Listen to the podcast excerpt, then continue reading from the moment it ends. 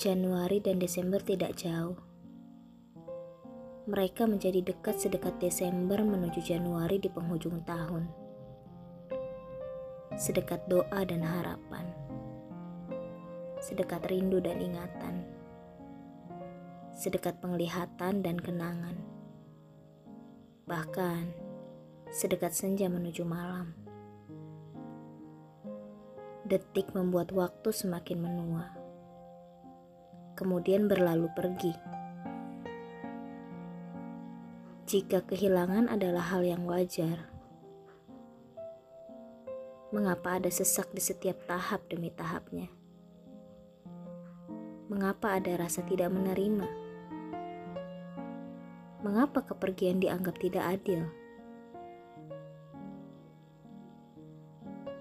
Yang ambigu memanglah sebuah rasa itu sendiri atau waktu yang selalu memberikan teka-teki.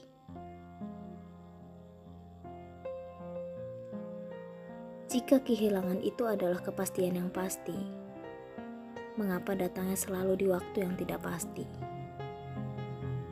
Permainan macam apa ini?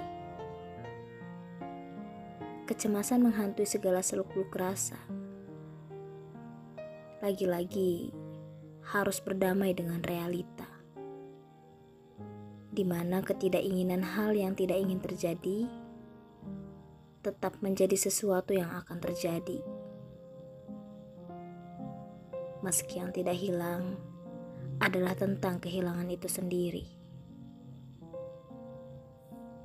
Seseorang menjadi kuat karena ia dicintai.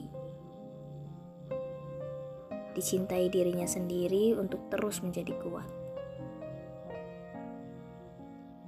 Menjadi supporter dalam dirinya di setiap keterpurukan. Menjadi teman yang berbicara pada nurani yang merasa tidak baik-baik saja. Menjadi sahabat dalam setiap perjalanan.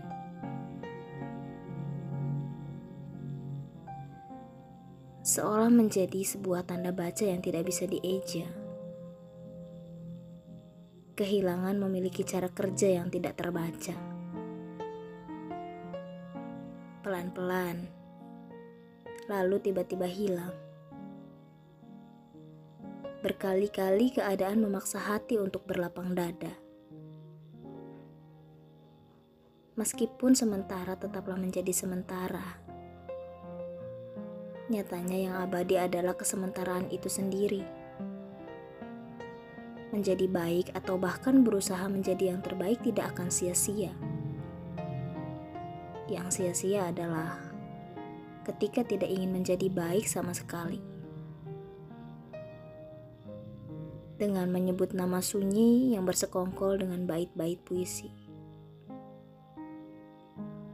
Rindu bukan lagi ambisi